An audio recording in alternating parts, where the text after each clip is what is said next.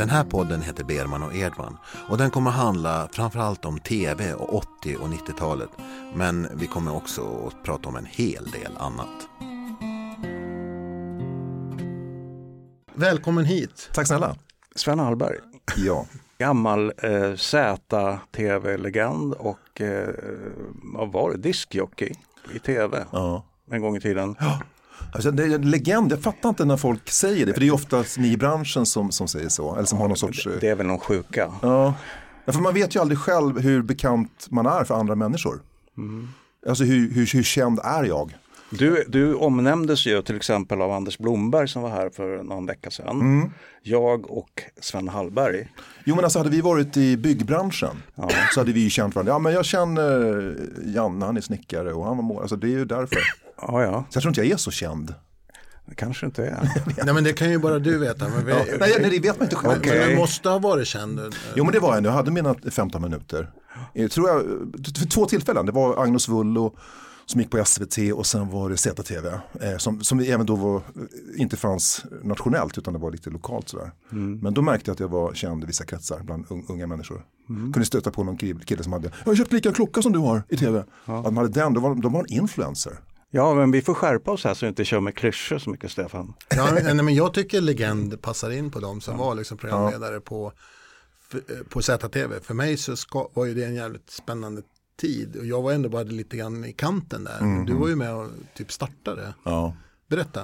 Nej, men det börjar egentligen med, hur, hur mycket tid har vi på oss? All, all tid i hela världen, det här är världens ja, snackigaste. Nej, men då kan jag säga så här, det började egentligen när jag var 12 år. Mm. Okay. Men det var inte tv utan det var radio. Eh, det fanns inte så mycket radio, i, eller mycket popradio på 60-talet. Kommer ni ihåg det? Det var ju liksom någon topplista på lördagen och eh, kanske någonting i veckan. Men Absolut. Var, så jag tror att man hade något sorts, eh, när man köpte sin Beatles-platta där så, i alla fall jag, familjen köpte en rullbandspelare och då började jag göra radioprogram. Där jag presenterade mm. Beatles-låtarna från Rubber Soul. Liksom. Mm. skrev till och med anteckningar på plattan. Så här. Nej, men så att, jag vet inte om vi hade någon, uh, tyckte det var kul att snacka i mikrofon och, och vara programledare. Mm. Utan att ha kanske någon förebild egentligen. Jag tror inte att jag... Klas Burling. Nej men jag tror inte att det var så. Att jag tyckte Klas Burling eller Kaj Kindvall var några som jag såg upp till på det sättet. De, de, de fanns ju där. Liksom. Om vi pratar tio topp så var ju det liksom typ det enda. Det var och jag hade precis. också kompisar som spelade in hela tio topp liksom, mm. varje vecka. Det var liksom den musik som man kunde få. Ja, men sen kom ju Radio Luxemburg, men det var lite senare för mig. Det var nog på 70-talet. Ja. När man fick in det. Mm. Eh, och då hörde man ju hur engelska jocks kunde låta med jinglar och det lät ju skitcoolt. Och det, mystiskt också med det här mellanvågssoundet. Det gjorde att det blev lite extra, det satte en dimension till. Vet du vad, jag, jag var ju så, en så kallad DX-are. En sån här, hängde upp. Nerd alert! ja, och jag lyssnar på de här båtarna i Engelska kanalen. 209 Radio Caroline. Wow. För till helt plötsligt gick den här nördfaktorn upp ungefär 210 procent. I love it. Ja, vi pratar om 64. Ja, ja. En del människor vet inte vad DX är. Kan du berätta nej, det först? Ja, herregud. Det var sådana här nördar som jag då, som satt och istället för att vara ute och träffa tjejer och dricka öl, eh, lyssnade på konstiga radiokanaler eh, långt bort. jag, jag kom i kontakt med dem sen, jag ska berätta det, jag återkommer till det. För att sen så började jag jobba i skivbutik på 70-talet och då kommer in en kille, det här är 76, eh, så säger han till mig, fan alltså det är inte klokt i Sverige, vi har, vi har en radiostation i princip. Han hade varit i USA, det hade de hur mycket som helst. Mm. Och jag liksom, ja du hade röstat på sossarna som alla andra och inte tänkt så mycket på politik eller mediapolitik eller mm. någonting sånt där utan eh, då var det valår och han var med i MUF. Alltså, det här måste vi ändra på. Vi, vi, ska, vi ska starta en piratradio. Ska vi liksom få folk att fatta att det är, det här, det är så här radio ska låta. Mm. Och jag snappade på det för jag hade väl någonstans i bakhuvudet igen det här var kul det var att snacka mikrofon och Radio Luxemburg, kanske hade hört Klabbe på radio också, jag kommer inte ihåg. Eh, så vi, vi, vi spelade in ett band där och rösta Moderaterna så får vi fri radio i Sverige, bla bla bla. Mm. Och han annonserade efter en radiosändare, jag bara tänker, det är helt olagligt. FM-sändare köpes liksom, i Dagens Nyheter. Och fick tag på en eh, som en rörsändare som var på 98 MHz som hade använts för prov, någon provsändning, kallas för Radio Stockholm. Jag har kvar den kassetten, men den satt kvar i sändaren. Wow. Där Egil Alvik snackar, han är en discjockey. Kommer ni ihåg honom? Eh, Swedish Eagle hette han sen i USA. Nej. Han var skåning och han var discjockey här i Stockholm och flyttade sen till USA och blev amerikansk radiojockey. Men var det här 75-76? Det är 76. Då bor ju jag i USA och kom också hemifrån. Jag, jag levde i den där världen. Ja, ja, ja. Alltså precis som, oh, fan, man satt i en bil och sa, fan jag skulle vilja höra den där låten. Så kryssar man fram mellan 200 stationer och då var det alltid någon jävla station som hade den här låten man ville lyssna på. Ja, just det. Så mycket radio fanns det då och alla lyssnade på radio. Ja. Nej men så då, då skulle vi sända det här bandet då liksom och förändra Sverige. Mm. Men han polvänder fel på något sätt och så brinner det upp den sändaren så det händer ingenting. Men 78 drar vi igång, Radio 98, då köper vi en ny sändare. Och då sänder vi regelbundet varje söndagkväll och det här blir liksom världskänt i hela Stockholm. Nej, men det blir en klick människor i, i, i den här åldern som, som lyssnar på det här. Och eh, det blir en sport bland de här DXarna att hitta sändaren.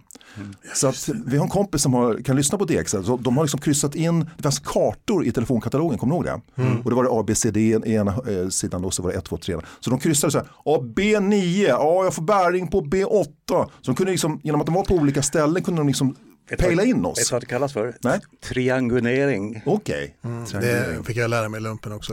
okay. Jag har inte gjort lumpen. Nej men vi körde mycket triangulering där. Nej, men därför, då spelade vi in de här DXarna snack. Ja.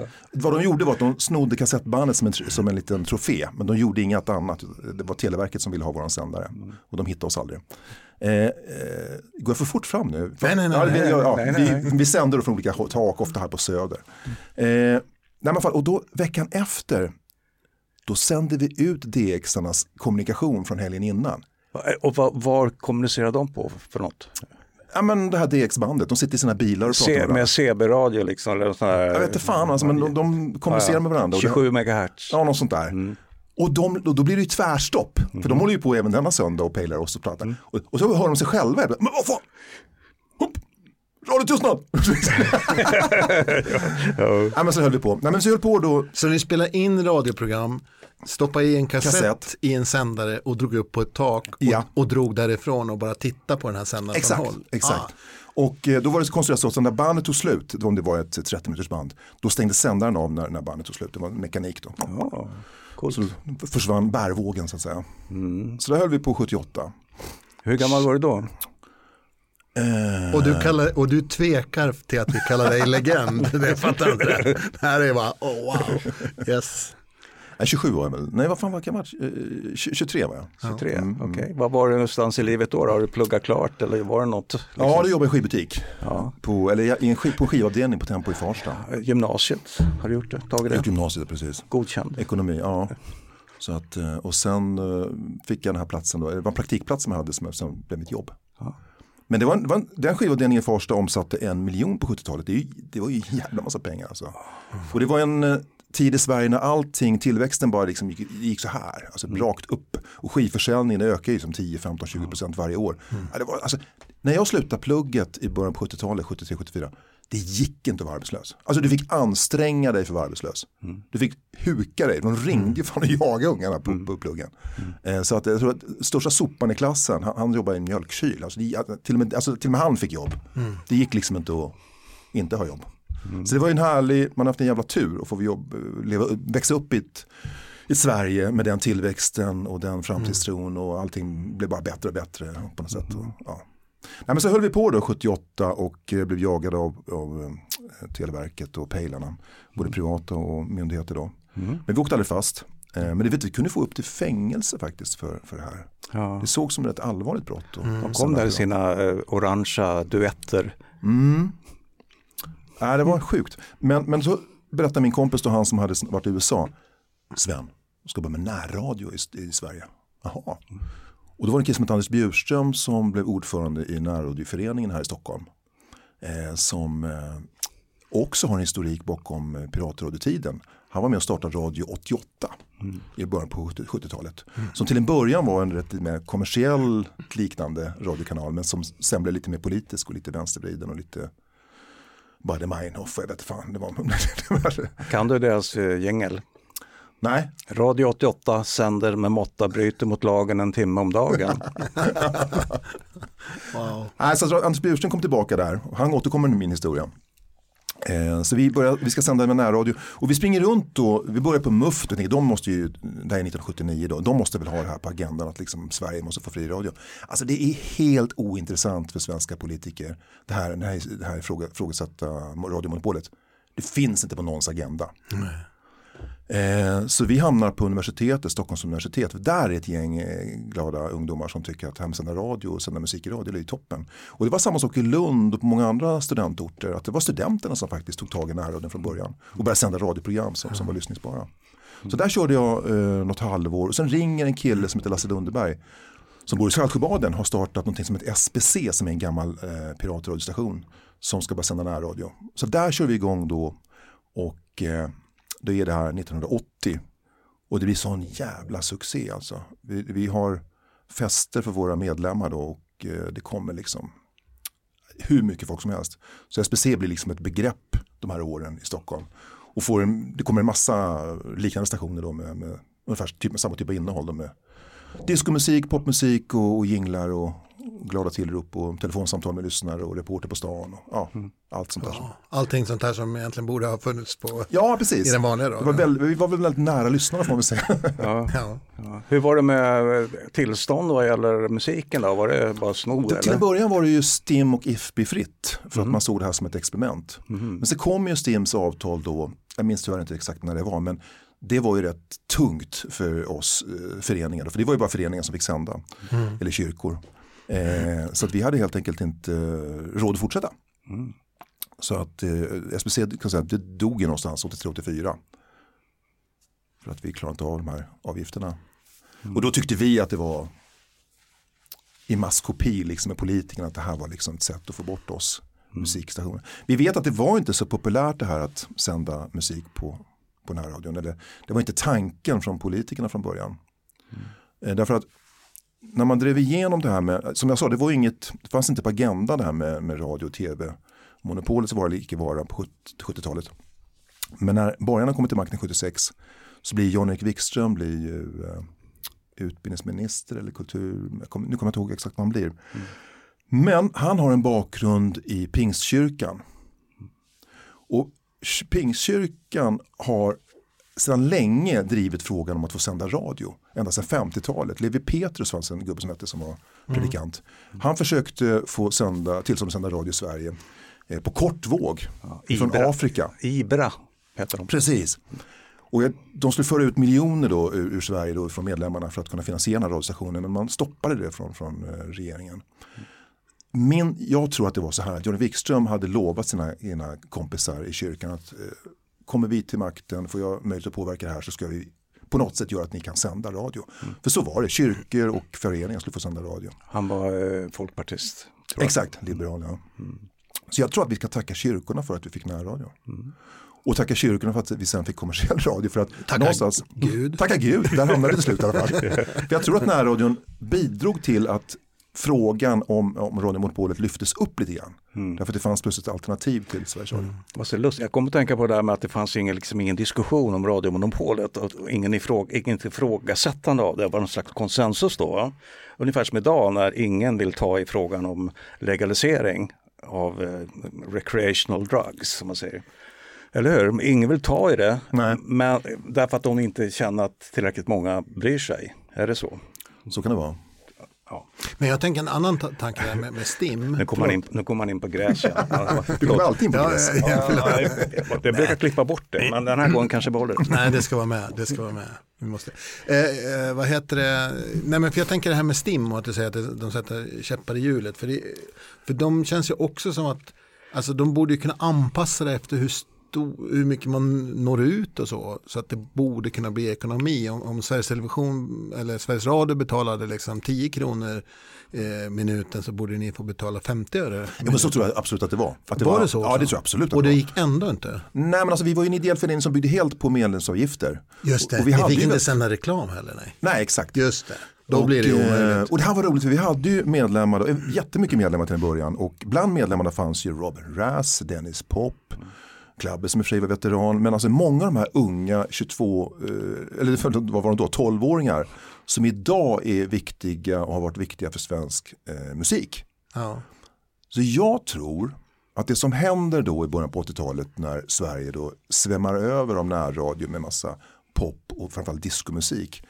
Det är att vi liksom vi stimulerar musikskapandet. Alltså massa 12-13-åringar lyssnar på mm. det här som sen kommer bli producenter och som sen ligger på USA-listan.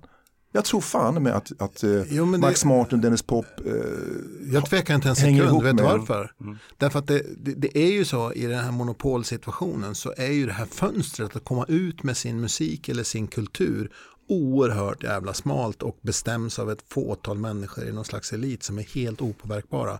Men så fort det öppnas andra fönster så finns ju hoppet att fan jag kan faktiskt göra någonting som kan komma ut.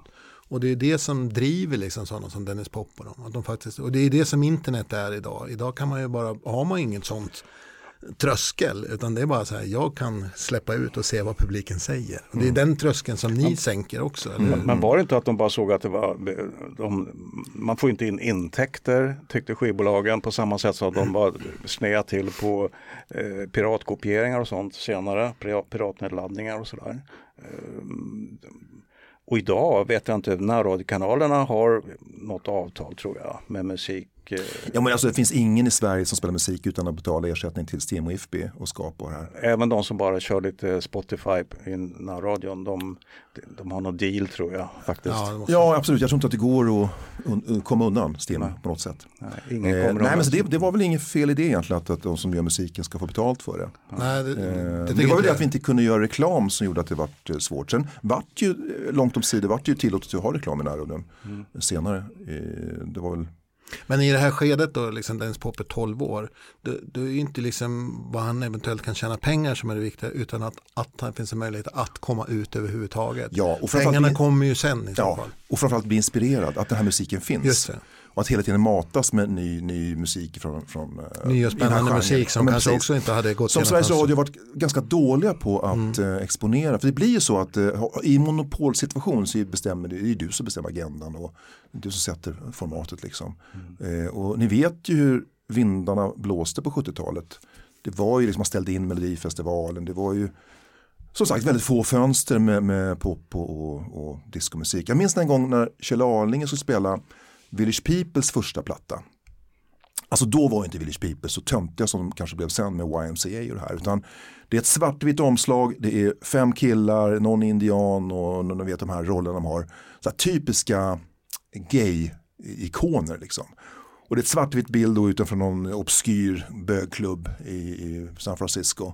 Så det, hela plattan känns jävligt, eh, känns mycket mer underground kanske än vad man tänker på Village People idag. Mm. Och båda sidorna består av två låtar på vardera sida som är ett medley. Eh, och eh, Kjell Arning hade ju en känsla för kvalitet. Så han säger så att nu ska jag göra någonting som jag aldrig gjort förut och aldrig kommer göra igen. Jag spelar diskomusik. Så kör han hela sidan på Village People. Men det säger ju en del om att hur, hur illa man tyckte om disco. Det var ingenting någon ville ta i. Va? Eller så hur litet fönstret var. Ja, men vad spelade du för mig? Vad, vad hittade du i musik? Vad, vad spelade du för? Vi, alltså, SBC var ju disco. Mm. Disco, disco, disco. Mm. Och det låg ju helt rätt i tiden då. Även om discon kanske kulminerade 78-79 så var det fortfarande 79-80, 81 relevant musik. Och överhuvudtaget dansmusiken kom ju här liksom. Mm. Körde ni liksom tre, fyra låtar på raken? Och typ... Nej, vi pratade ganska mycket. Men vi hade en kille som hette Per Olsson som var en jäkel på att taktmixa och överhuvudtaget mm. mixa. Så han fick till och med uppdrag på Sveriges Radio, på P3 sen och göra mixprogram. Mm. Så det fanns ju med i den här kulturen. Och det här var ju, ni vet man åkte rullskridskor. Det var ju som en hel diskokultur. Mm. Hur man klädde sig och hur man, hur man umgicks. Jag träffade min fru på det sättet. Vi, vi åkte rullgriller ihop. Liksom. Ni krockade? Ja, typ. Åh, finns det bilder? du måste nästan skicka någon bild på Lars. Ja, jag hade så stort krulligt hår och wow. platå Ja. Weird Al Jankovic. ja, typ. men, men har vi fått dig att tappa tråden nu? Men, mm. Eller vad kommer i nästa steg? Jo, vad som kommer sen är att eh, jag börjar, efter att ha jobbat på det här varuhuset, börjar jag som inköpare. Så jag sitter på ett huvudkontor i Kista och eh, Åhléns har eh, 150-200 varuhus som säljer skivor. Och 25% eh, av musikförsäljningen går genom Åhléns. Mm. Så var fjärde skiva som säljs i Sverige säljs på Tempo eller ett Åhlénsvaruhus. Mm. Så vi är stora som 17 på musik. Då kommer in en kille som heter Anders Bjurström igen i mitt liv. Eh, han har dragit igång något som heter MTV, en, en kassett. Som på den tiden hyrde man ju filmer på VHS-kassetter. Mm. Och då hade han en affärsidé att man skulle kunna få låna en kassett samtidigt som man hyrde kassetterna. Och den kassetten innehöll musikvideor och reklam. Så den finansierade med, med tv-reklam då. Det här är alltså, vi talar 83-84, det finns inget tv-reklam i Sverige. Mm. Det finns bioreklam, rörlig. Eh, och då behöver han en VJ, en videojockey. Och frågar om jag har lust att, att bli det. Och jag älskar ju utmaningar så att, eh, jag älskar ju radio men fan, det är ju ungefär samma sak. Jag ska presentera musik fast det är med bild. Så jag blir Sveriges första VJ. 84. Och eh, fan, det hände en gång när jag var på Rish som diskjockey, kommer fram en tjej. Det har jag sett på, på, som VJ sa han. Min pappa har band med dig. Okej, det var lite senare då. ja, precis. Nej, men så att eh, där kör vi igång då och eh, håller på några år. Sen ringer Anders igen eh, 1988 och berättar att han ska starta en tv-kanal som heter TV Skandinavia. Och eh, han vill ha mig som VJ igen då. Mm. Eh, så att han bussar ihop mig i en studio på Odengatan 104 och där träffade jag Jesse Wallin som är exporterad eller importerad från Skåne. Mm. Eh, och vi upptäcker att vi ser likadana ut. Vi har krulligt hår, glasögon och Timberland-dojor och samma typ av jeans. Så vi är kopior av varandra. Så vi börjar sända ihop och vi, jag tror vi får någon kväll på oss att förbereda oss för sändning. Sen sänder vi tv då, eh, lördag och söndagar på nätterna. Eh, fyra, fem timmar live-tv. När vi liksom och då laddar vi videorna själva så vi har spelat in en musikvideo per betakassett. En betakassett är som en kassett fast mycket större. Det vet ju ni som har jobbat med det. Ja, eh, vi, vi gillar att förklara för ja, folk som lyssnar. Som så bakom har... där vi sitter, de tänker att vi har kameran framför ansiktet, så ja. har vi varsin mikrofon och så har vi ett mixerbord. Ett mixerbord för ljudet, där man kan höja mikrofonerna och musiken. Och sen ett mixerbord för bilden, man kan välja kamera eller vilken videofilm som ska läggas ut. Så har vi två stycken sådana här betakassettbandspelare bakom oss. Mm. Så vi laddar dem, trycker på någon knapp där så att de noll, hamnar på 0000 mm. och sen pratar man så här, Åh, det är dags för den nya singeln här med eh, Motte Hoople och så trycker man igång den så ska man snacka på intro liksom, och här är han, Ian Hunter i hög form och så släpper vi ut videon. Liksom. Så vi, snack, vi är precis som radio fast vi har bild också. Mm. Så det håller vi på live. Och det är en liten jäkla studio på Undergatan 104 som är en eh, redigeringsstudio egentligen. Mm. Så att gästerna kliver rakt in i studion. Att... Men där hann jag vara med faktiskt. Var det? Ja, men jag hann vara med i den studion. Ja. Och ni hade också en liten burk där om ni gjorde en svart ruta så ja, fick precis. Ni, fick man böta. fick ni böta en 10 eller vad var det? Ja, något sånt där. Precis. Jag vet inte om, för det var där, vad hette hon som var uh, väldigt tidigt också VJ? För det där var kvar. Kiaberg. Kiaberg, ja. ja så jag var där vet jag och gjorde ja, någonting med Kiaberg. Hon hade ett program på morgnarna, på lörd, söndag, lördag morgon kanske det var, eller söndag morgon. För Staffan Dopping var ju en av programledarna som sände om det var lördagar och Kia kanske sände söndagar. Mm. Hur, hur, hur, länge höll ni ett sånt här program på? Eh, ja, vi sände ju, beroende på hur, så här var det. Eh, man för, då, för då hette det ZTV, men det här var, du började Det här är innan. Det här är innan, ja, ja men då, är, då, var jag inte där, men det här är i den här studion kommer jag ihåg. Jag kommer dit. Ja, förlåt. Ja, jag, jag, jag Nej, snabb, jag TV Skandinavia, det är Bengt Kåring som, som driver det tillsammans med Anders Bjurström som ganska snabbt försvinner i bilden. Så att Bengt tar över det här. För det är Bengt som har kapitalet och det är han som har tekniken. Så jag tror Anders Bjurström får betalt i form av en bil, han får en Rolls Royce. Mm. Och så är han ute i TV Skandinavia.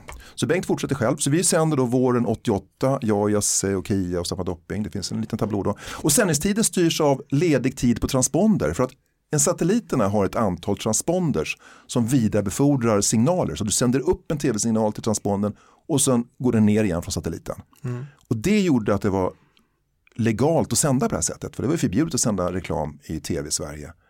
Om du hade gjort det på marken. Men mm. nu gick vi från rymden och då kringgick man liksom Ja, men det var inte så att ni sände från England? Utan, Nej. Utan ni sände från någon upplink någonstans? I Stockholm, precis. Okay. Mm. Eh, det var TV3 sen som flyttade till England. Men jag tror att de Nej, kanske från början. Jag tror att, nämligen att de täppte igen det där. För, TV, Precis. för TV3 var tvungen att skicka upp signalen till satelliten som plockades ner i London, eh, vände ja. och skickades upp igen och sen tillbaks. Jag satt, satt och körde, det var ju bildprocent mycket på för trean och det var skitjobbigt att, att när vi då hade då Robban säger någonting live och så var det en delay på videostarten då, för att gå till London då och sådär framåt och så, och så jättemycket, två klockor att räkna ner liksom. Men sa inte uh, någon det att uh, var det Stenbeck som, att tekniken overrider politiken. Alltså att man hela tiden lyckas liksom ja, precis. kringgå saker och ting med, med mm. rätt alltså. För, så det var ju ett enda stort kringgående, för jag tänker så här också att eh, jag tror att de täpper det hålet sen. Mm. Men det innebär ju också att, att eh, då blir ju liksom TV3 vad heter det, då lyder ju de under engelska lagstiftningar och då var det andra. Man, fick, man fick dricka sprit i bild men du fick inte visa en tutte. Nej. Så det var ju liksom tvärtom. Och så kanske längden på reklambreaks och sånt påverkas ja, just också. Det. Mm. Mm. Och vad man fick ha reklam om. Ja, precis. Men eh, förlåt. Nu, ja, men så där sände vi då under våren 88 eh, och sen säger eh, Bengt Kåring då att eh, hörni, vi gör ett sändningsuppehåll nu i sommar så kanske vi kommer tillbaka i höst sen till oss i personalen. Då fan det är ju mitt enda jobb. Mm. Jag har precis fått barn, vi har köpt en liten HSB-lägenhet i Älvsjö. Jag har inget jobb liksom. Mm. vi syns i höst, kanske. Ja, så då blir jag arbetslös första gången i mitt liv och jag ångest. Men, men eh, sen ringer då en av teknikerna som heter Massa Söderström. Han ringer sen i augusti och säger vi ska köra igång igen. Men det blir bara du och Jesse, vi kommer bara köra Night Flight som vårt program hette. Mm. Det var förmodligen det billigaste att köra också. Vi var ju en sån här tremannaredaktion. Jag och Jesse och så en skripta. Mm. liksom, världens billigaste tv. Eh, så vi körde igång igen då på hösten och så körde vi fram till december. Då pengarna tog slut, för det var svårt att sälja tv-reklam och det var väl si och så med mätningar hur många som såg tv Skandinavien överhuvudtaget. Så vi vart väl mer en kult, ett kultfenomen än liksom någon sorts, eh, fick någon jätteräckvidd. Men vi fick mycket bekräftelse, vi fick eh, kunde få brev ifrån eh, Nordafrika, kommer inte ihåg Algeriet, det var en hel skolklass skickade brev till oss. Därför att vi låg på franska eh, kanal 5s eh, transponder. transponder. Så när de inte sände, då sände vi. Och det gjorde att vi kom ju ut i de här länderna som har varit franska. Frans mm. Senegal. Och, Precis. Ja. Så, så de fick se Michael Jackson första gången i sitt liv. De hade aldrig sett de här musikvideorna. så vi var ju liksom någon sorts kultgubbar där och de förstod inte vad vi sa. Men det var väl kul på något sätt. Liksom med Nej, musik. skit samma, de drog ja. ner volymen ja, när ni pratade. Precis. För, att, för att det var ju de här, vad, vad, fick ni spela då, då tänker jag också? Vad, Men allting, vi åkte runt bland skivbolagen och lånade. lånade och det lånade de gladeligen ut? Ja, precis, så kopierade över det till betakassetter. Till och med att vi hade eh, Peter Goldman på besök som hade med sig Strawberry Fields Forever mm. på, på 35 mm. Wow. Som vi skannade av och mm. spelade. Ja. Ja. ja det, alltså grejen är så, det, det slår en vilka fantastiska jävla tider det här var. Alltså. Ja. var Jag kommer på EMI eh, i Solna. Ja. Och så sa vi skulle ha lite musikvideor. Alltså det var inte så stort musikvideo i slutet på 80-talet. Det var, alltså det, det, det var inte, jag har inte kommit igång speciellt mycket. Så, ja men det finns ett rum, en trappa ner, här är nyckeln, ni kan gå ner och kolla. Så vi gick ner där, så, vad fan, Mud, Beatles, Pink Floyd, fan, det finns så mycket som helst. Vi bara, liksom, det, godisbutiken alltså. Mm. Så att vi hade ju inte någon direkt eh, playlist när vi skulle spela våra musikvideor. Utan vi gick ut i köket och vi hade alla betor. Och sen och jag vad vi kände, men fan ikväll kör vi den här va, Electric Boys, ja men det kan vi köra. Så vi gick och plocka liksom, vad vi kände för den natten. Liksom. Mm. Så det var väldigt så här. Men Night Flight känner jag igen jättemycket, för det måste ni ha fortsatt och... Ja, men vad som hände då i december 88, det var att Bengt Kåren bestämde sig för att lägga ner. Han har inte råd att fortsätta med det här, det fanns ingen uppsida på det. Så vi sitter då i en nedlagd damfrisering som är vår redaktionslokal där på Odengatan 102, ja, precis bredvid 104 där. Jag och Jesse och deppar och eh, alltså det är fortfarande inrett som en frisörsalong då med sådana här tvättrännor. Liksom, så och så ringer telefonen och jag lyfter den. Ja, jag känner det, Pelle Thörnberg från eh, Strix Illusion. Och du har tänkt på eh, det här programmet ni gör, så ni kan tänka er att göra det på TV3. Och jag bara, jag hade fått restskatt, jag blev arbetslös, jag hade fått missfall. Nej, det var, livet var verkligen på Så jag bara, yes.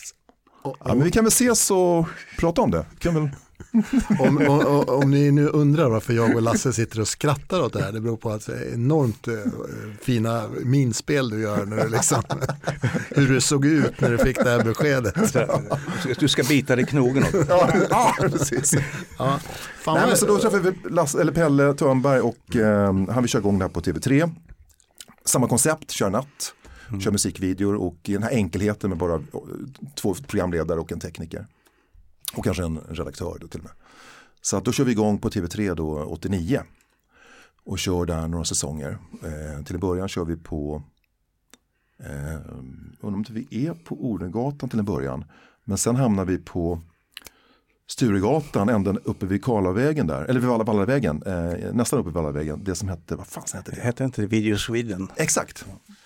Där gör man ordning i studion så vi kan sända därifrån. Så det är mycket, mycket större och, mm. och jäkligt fint och sådär. Fräscht. Och då har vi ett program, en programpunkt som heter eh, någonting man ska tur i kärlek liknande med draperi och så är en tjej på ena sidan och så är det tre killar på den andra.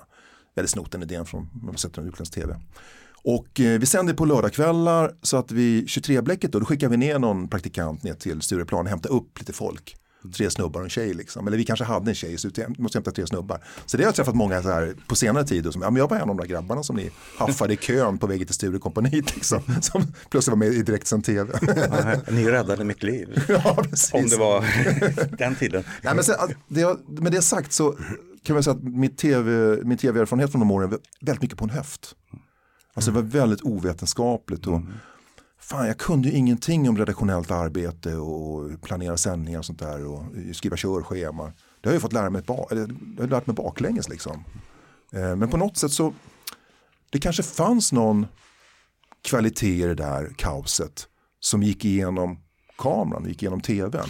Man såg att fan, det här är jävligt oförberett liksom, och det, det är verkligen, de går på slak lina. Liksom. Ja, men jag skulle vilja hävda som, som älskar sån tv också. Och jag vet också som, som, som jag hade rätt nära kontakt med de som hade direktkontakt med Stenbeck. Att det här älskade han. Och, och det finns en viss kvalitet som gjorde att den här tittningen som fanns i det här oförberedda den var, all, den var ju rätt lokal men det var otroligt stor procentenhet av ungdomar som då tittade på det här hellre det är det som kändes som att man kunde ha en kompis i vardagsrummet. Och nu händer det något spännande. Eller, ja, det var, alltså, och sen tror jag också att, att, att, att det var precis jag, livesänt mitt i natten. Ja. Du kanske kom hem från krogen, yes. sitter två dönickar där och har skitkul i tv, yes. liksom spelar musik. Mm. Det var lite wow, det var lite otippat. Det var som ja, en liten bonus-tv uh, på något sätt. Jag hävdar att det är kvalitet, det skulle fortfarande gå att göra.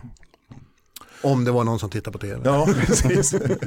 Nej, men vi kör ju några, några år där. Eh, ja, fram till 90 i alla fall eh, då det tar ett slut. Alltså jag tror att det är några som är pro det här. Jag tror att möjligen Stenbeck är det själv. Mm. Jörgen Witzell vet jag tyckte väldigt, var ja. förtjust i det här konceptet. Men han var ju, för det var Jörgen som pratade om att, hur mycket Stenbeck älskade. För ja, jag, jag, träffade, jag träffade Jörgen senare när jag var nere på Gamla Stans Bryggeri. Mm. Så det är därifrån jag har eh, idén om att Stenbeck, jag har inte hört honom själv säga det, men, men det sades ifrån bland annat Jörgen och Bert Willborg mm. hur mycket Stenbeck älskade det här. Ja. Barfota-tv. Ja, barfota-tv. Ja, som, som jag kallar det då. Ja. Mm. Eh, ja, men så en dag då, då började jag med annat. Jag fortsätter göra musikvideo för det har jag gjort lite då och då. Eh, så att jag är kvar på Strix där så, så håller jag på med det, gör lite reklamfilm. Ja, ni hör ju, det är ju som, det är som Henrik Schyffert säger i sin uh, The 90s att eh, då säger han någonting i stil med Simply Sven står, på ytter, står i ytterdörren och jagar programledare. Det bara kom in här. Det var verkligen så på Strix Television. Vi saknade projektledare, vi saknade producenten. Men det vet ju du Lars, ni, ju, ni som hade jobbat med ja. tv, för ni var ju liksom, ni var ju rare. Alltså bara verkligen... Ja, ja, ja, vi var uppburna.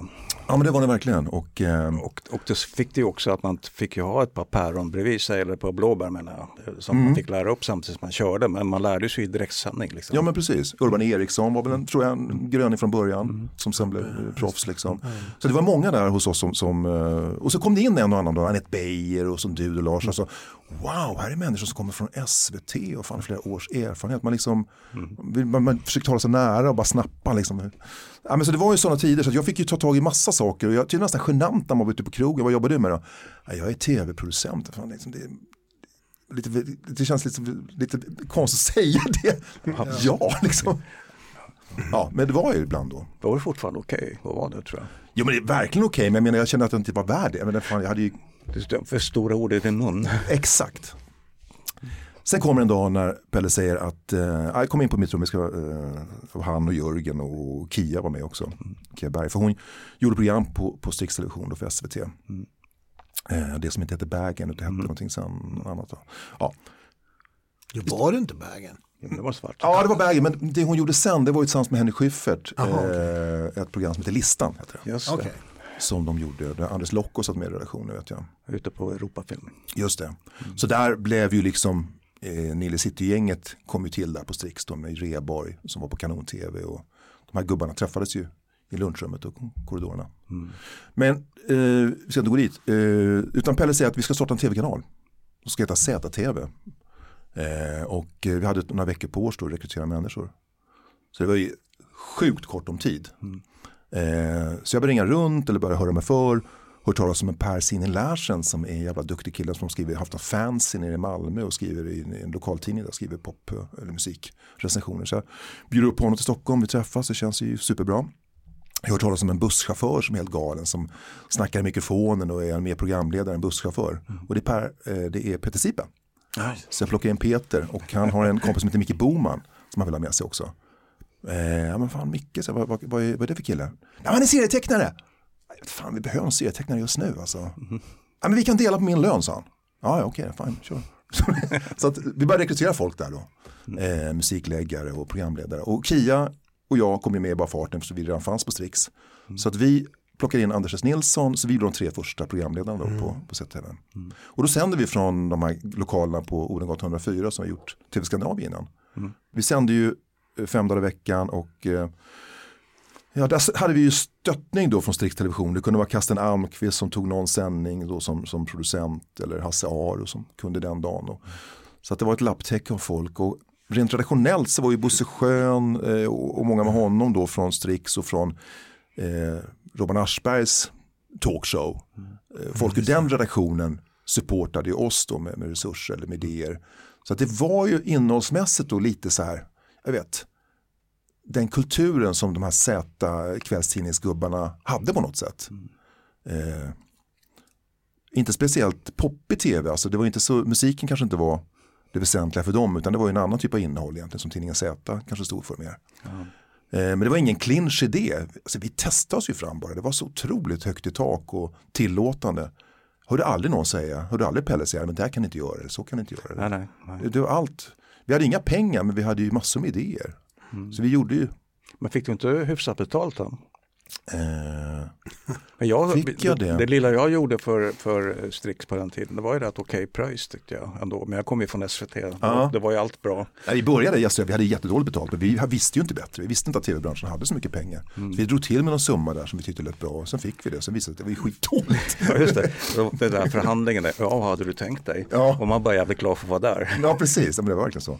Men så. vilken enorm jävla plantskola detta blev. Ja, det blev ju det. Mm. Så jag kom in där och min roll på ZTV då när vi, när vi flyttade till, till uh, egen, egen adress på Västmanagatan, nej på Döbeldsgatan. Mm, uh, ett gammalt stall inne på gården där.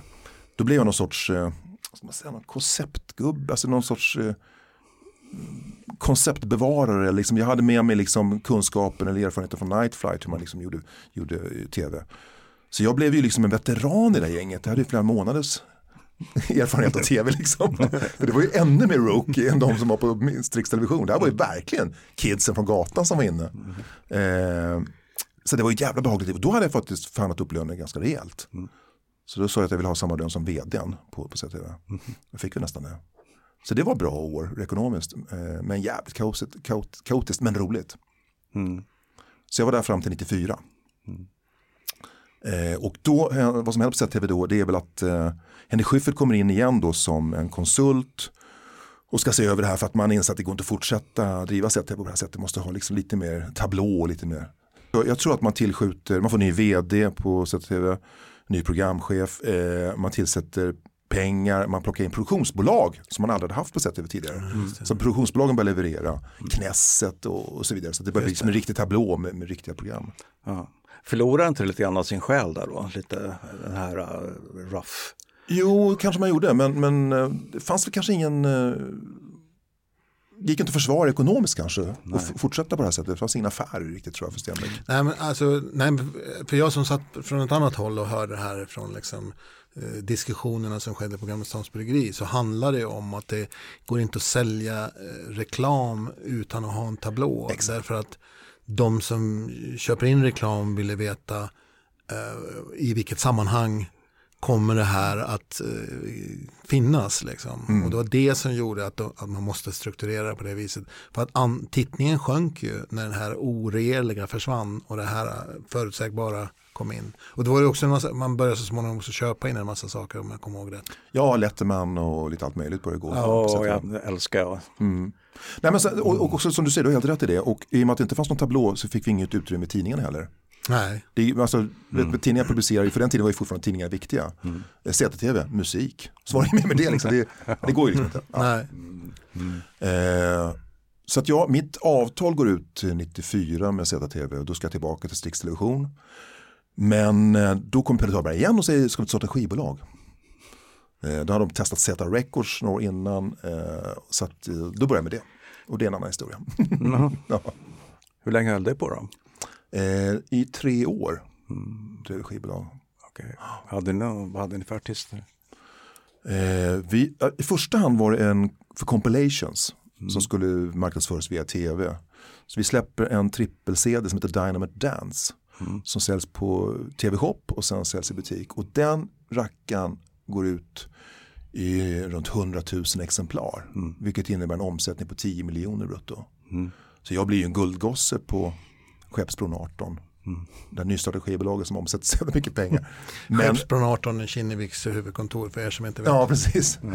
Eh, så där är man ju älskad. Eh, men, men eh, det är svårt att följa upp det här. Mm. Och börja signa artister, Lennart Gran, Peter Lundblad.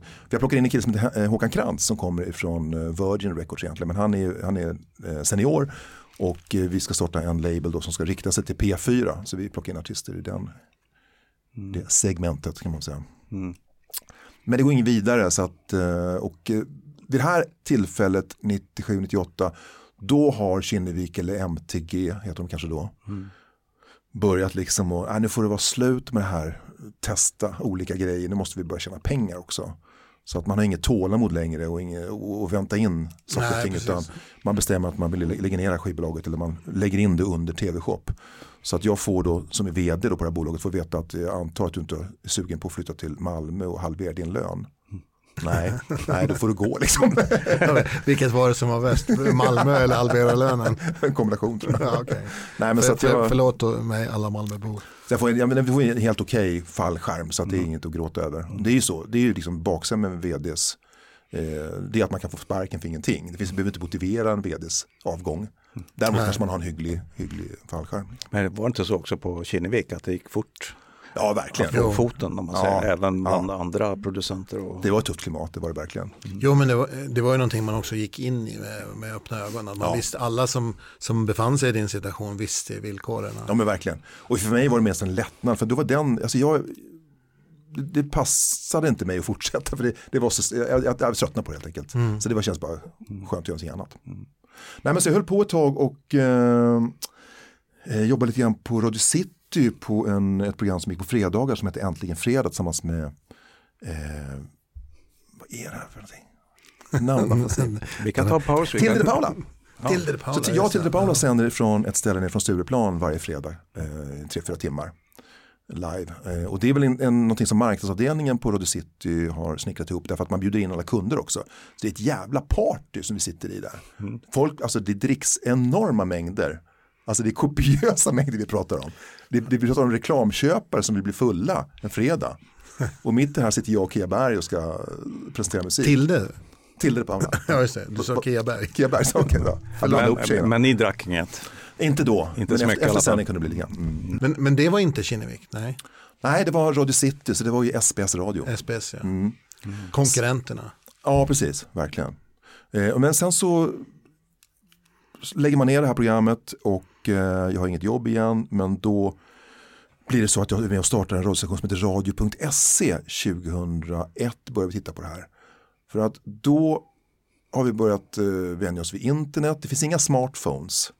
Men eh, vi har liksom kunnat streama musik då via Pirate Bay och eh, vad heter de andra? Det finns några plattformar mm. för strömmusik, det här är innan Spotify. Eh, så jag och en kille som var programchef då på Radio City som eh, slutade där, eh, han hette eh, Lands Micke Landström. Vi säljer in det här konceptet till en kille som heter Broms, Carl-Johan Broms, kallas för Pirken. Eh, och han i sin tur känner en finansiär som eh, har pengar och har gjort pengar på internet. Det här är ju liksom när bubblan har spruckit men det finns ju ett antal miljonärer som har gått torrskoda ur det här. Mm. Och han tror på det här och eh, så vi startar då 2001 eller 2002 så drar vi igång sändningarna på radio.se. Och då tänker vi liksom att fan vad kul med internet, då kan vi addera en del saker, vi kan addera bild. Så att mm. du, Det här är innan smartphones, så du får Mm. gå in på internet och titta.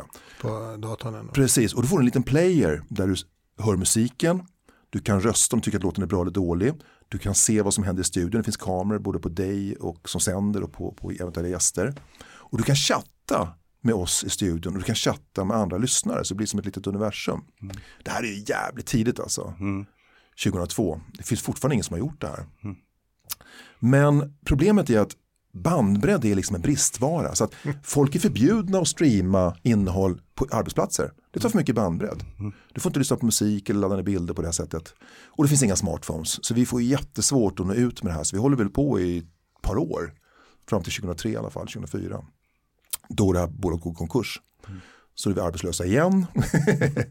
Men eh, då ringer Jesse Wallin mm. och vill ha hjälp med sitt morgonprogram på Mix Megapol.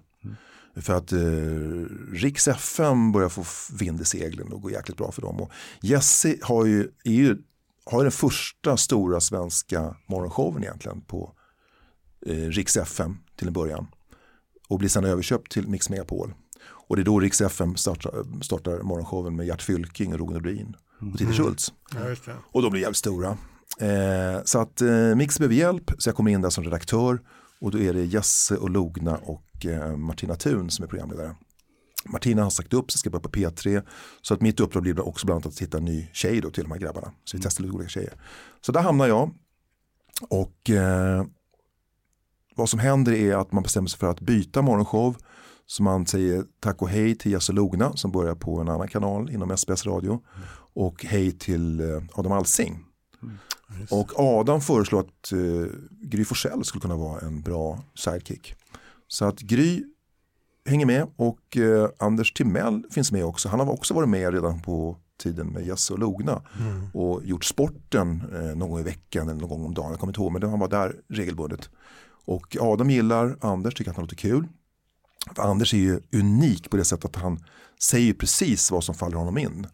Han är ju helt orädd. Så han är ju perfekt i en sån här morgonshow. Där du ska ha en viss trygghet i ankaret då, som i Adams fall. Som är trygg och rutinerad programledare. Han driver programmet framåt. Han är ja, fullständig. Gry som också är trygg och, och ärlig på sitt sätt. Liksom. Så du har de här två eh, personerna. Och så har du Anders då, som är en loose cannon. Som jävligt duktig på sport men också och jävligt duktig berättare. Men också kan komma med helt otippade kommentarer och åsikter och grejer.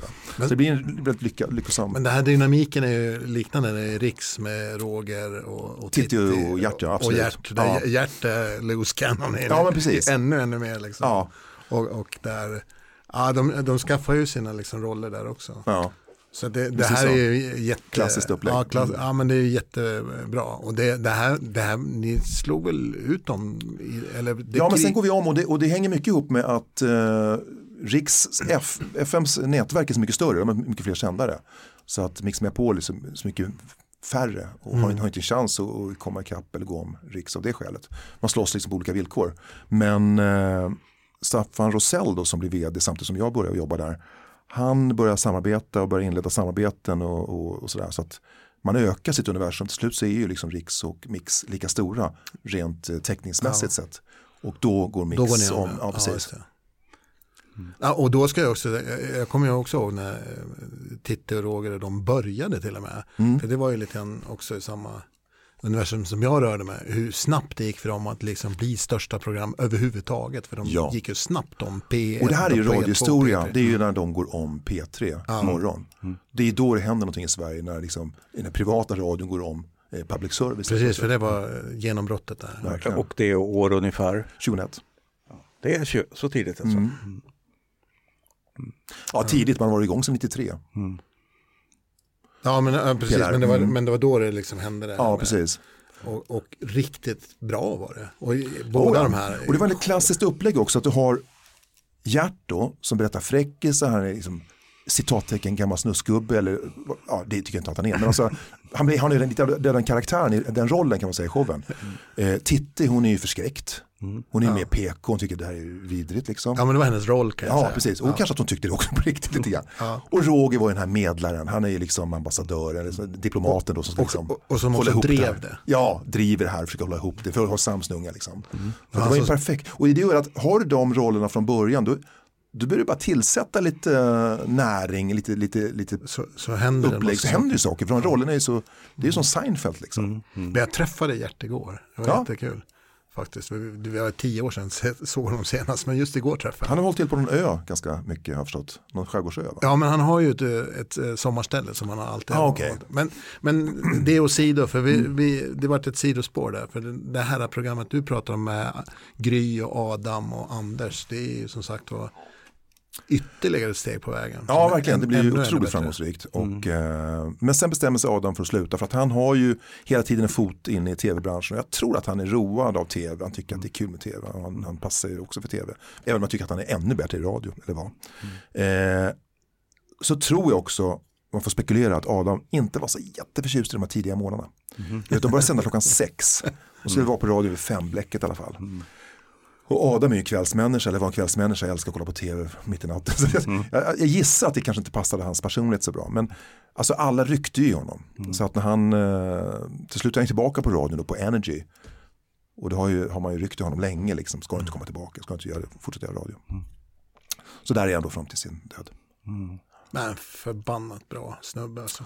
Mm. Ja, verkligen. Och är, han har ju också, det finns ju också ett pris till hans minne ja. som ges, delas ut varje år. Och eh, det är väl premissen där är väl att man ska ha den attityden som Adam hade, att aldrig liksom eh, att se alla ja. och värdera alla.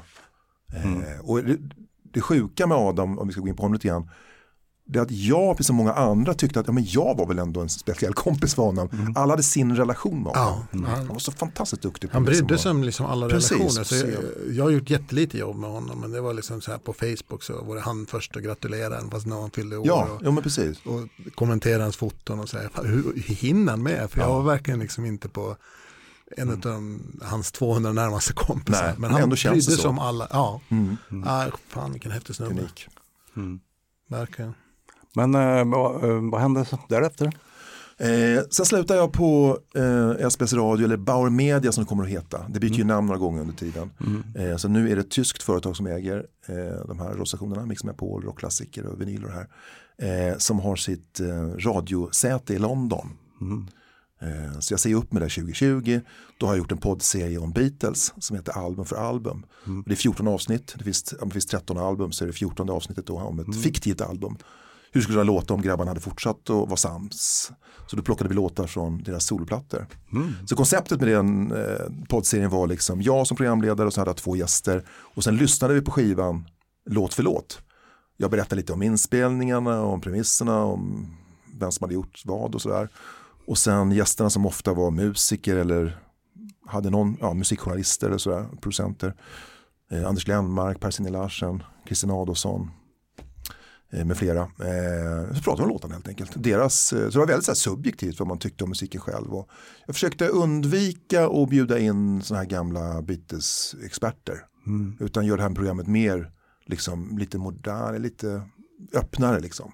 Mm. Och det roliga var när man fick eh, kommentarer via Instagram då på DM att eh, från unga människor som, som, som sa jag har aldrig lyssnat så mycket på Beatles men det var, jag var jävligt nyfiken när jag hörde det här programmet om Help liksom, och mm. hur det gick till. Så, att man liksom väckte intresset hos, hos en ny publik. Men det här ligger uppe än eller Ja det finns det på måste jag Podplay. Höra. Ja det måste jag höra. Så vi kommer att skicka en länk till ja. dem som, de få som tittar på ja, oss. Ligger det på Spotify alltså? Nej det försvann därifrån eh, Aha. på grund av musikrättigheter. Men Podplay där finns den kvar. Podplay, okej okay, mm. vi ska kolla. Det är en app eller en, eller en webbsida. Okej, okay. kan man söka på ditt namn då eller?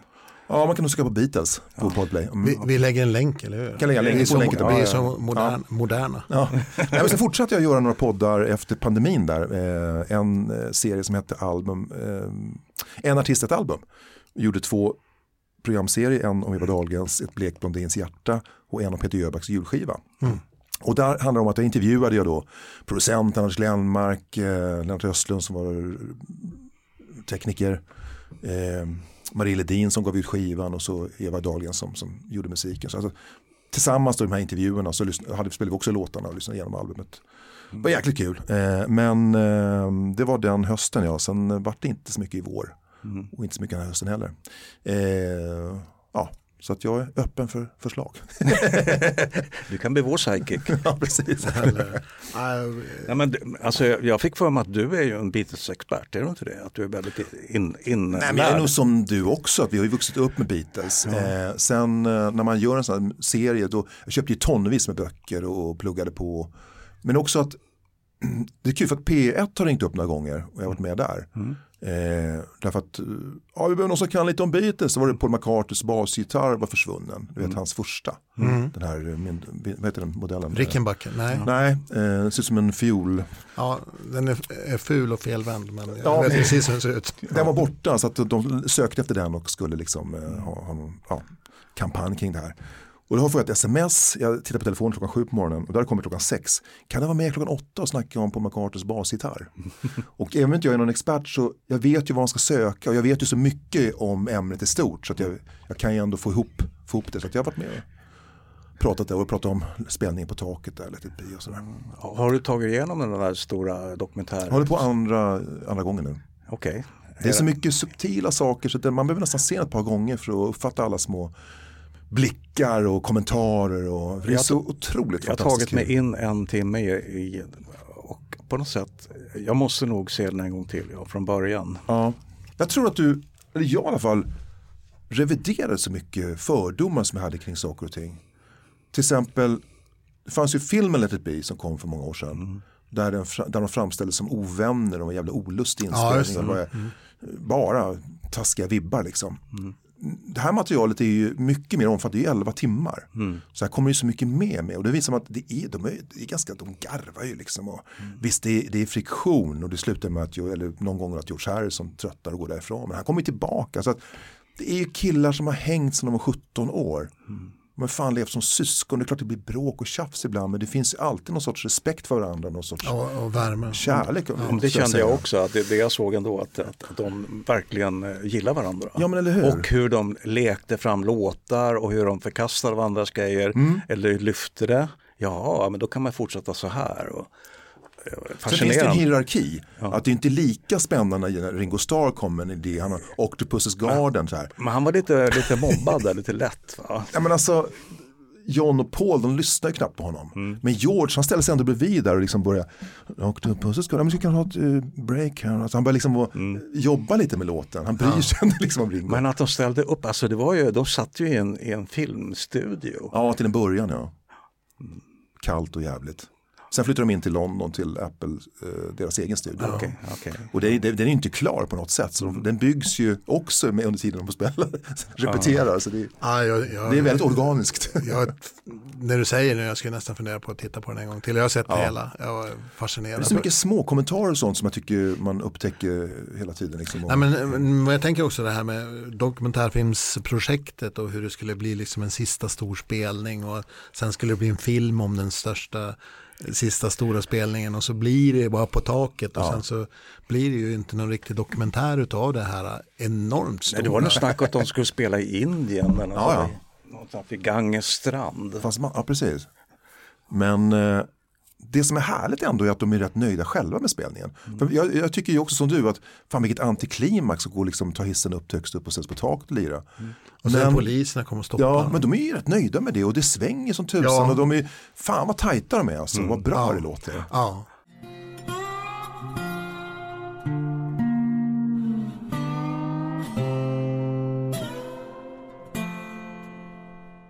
Men, men jag, jag, tänker så här också, för att du säger så här, vilken jävla tv-legend du är.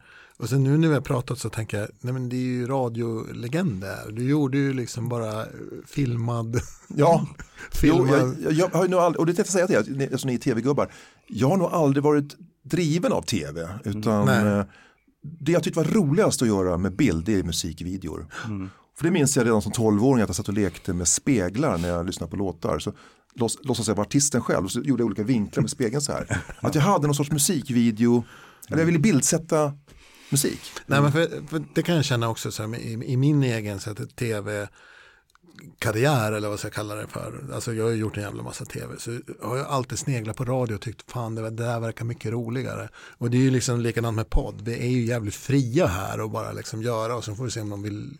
Så är, var det ju aldrig på tv. Det skulle planeras, det är jättestora budgetar, det är team och grejer. Och det skulle liksom malas ihop till någon smet. Liksom. Ja, men ta den här, och så var ju inte radio. Det Eva Dahlgren-dokumentären ja. med podden. Då. Mm. Så säger jag så här, ja nu står jag utanför det som tidigare var Polarstudion. Nej det gör jag inte, min fru var inne nere på Sveavägen och spelade in lite bilar som lät. Mm. Jag sitter i min klädkammare och pratar. Mm. Men det låter ju som att jag står mm. där på Sankt Eriksbron mm. utanför Polarstudion. Det är det som är så jäkla kul. Mm. Tv är ju, nu är det lite enklare idag, men när jag höll på med det var ju ett ängteam liksom. Mm. Med en jävla väska och det var, fan solen, fan det var inget bra, skuggan kommer, fan, alltså, mm. krångligt liksom. Och, och ofta, eller inte ofta ska jag inte säga, men ibland jäkligt tråkiga människor som man fick liksom tvinga. Nu måste vi åka vidare, vi måste ta en grej till här. Ja. Men fan det är ju lunch nu alltså, och jag måste dra om en timme.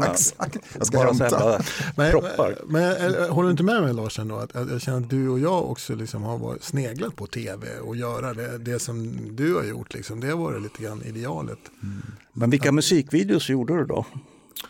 Jag visste att du får den här frågan. Jag kommer knappt ihåg. Tommy Ekman är väl den mer kända. Mm. Eh, so what? Men det var mycket så här one hit wonder grejer. Ja. Var du ute på Sonett och hade du dem med? Nej, det gjorde jag inte. Det hör ju han till, Mats Jankell. Ja. Eh, ibland gjorde videor då på uppdrag av skivbolagen för, för listan och sen gjorde jag uppdrag för Strix Television för, för det här. Mm. Ja, lite olika. Mm. Sen på senare tid har jag gjort lite grann med eh, mobilen faktiskt för kompisar som har band och mm. artister. Så klipper jag det själv då i. Och det, det är ju någonting du har alltid gjort Lars, du har ju hållit i kameran själv. Mm. Och det är förbaskat skönt att få, all respekt för fotografer, men om vi nu talar liksom musikvideor som kan vara lite konstnärliga. Eh, man får tillåta sig vara lite, slarv, lite slarvig där när det kommer till ljussättning och så. Eller man kanske har en annan, ska man säga, Mm. på ett annat sätt. Eh, så är det jäkla skönt att hålla i kameran och få precis det utsnittet man är ute efter. Mm. Och framförallt att få klippa det själv sen. Mm. Härligt. Jäkla skönt alltså. Jag har jobbat med en, en annan fotograf några gånger mm. och det har inte varit så kul. Alltid. det är inte Stefan jag pratar om, alltså, jag pratar om man, där, där en människa då som kanske inte riktigt tickar på samma frekvens som jag gör just nu när jag, inför det här vi ska filma. Mm säger då, du, jag måste sätta upp en lampa till. Eller vi kan inte ha det där fula draperiet i bakgrunden, jag måste få dra undan det och ställa fram den här möbeln. Och så har det dött, hela, hela, hela grejen har dött då. Mm. Ja.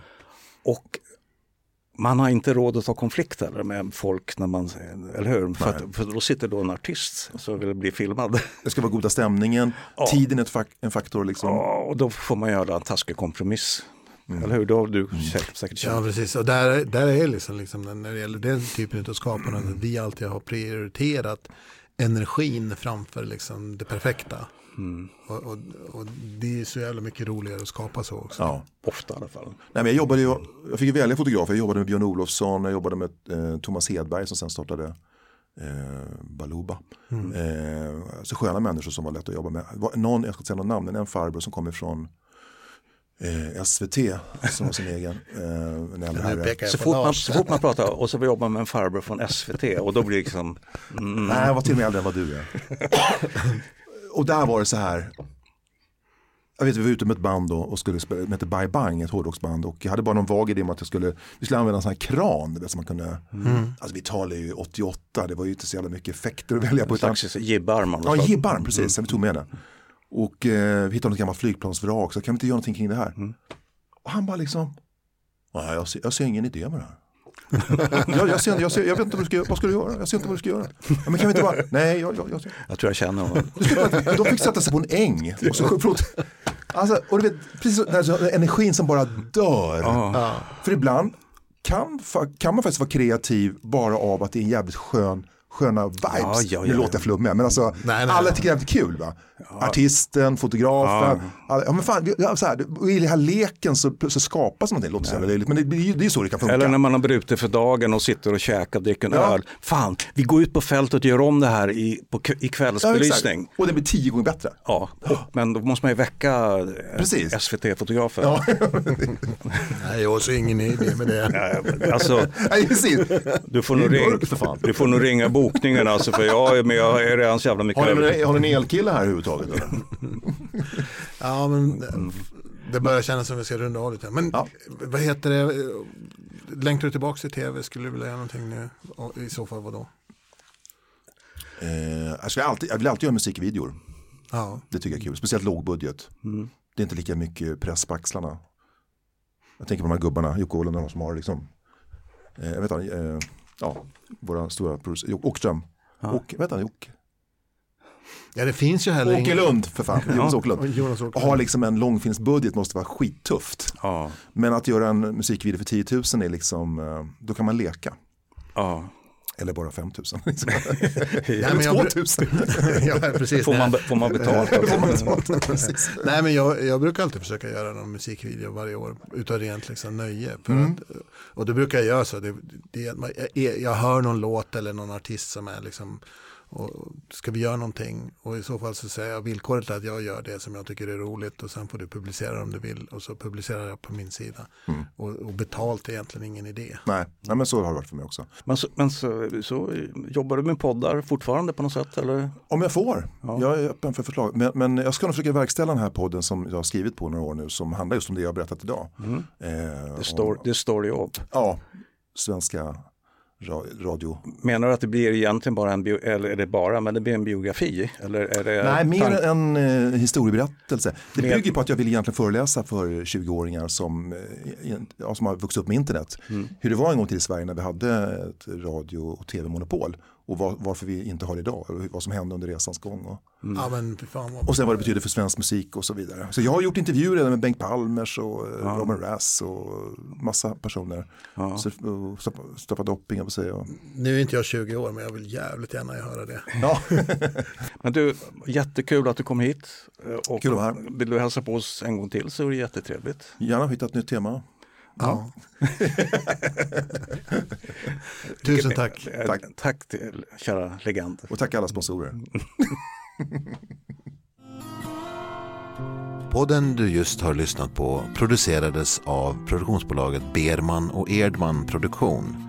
Musiken kommer från audionautics.com och du följer oss på Facebook där vi har en grupp Berman och Erdman.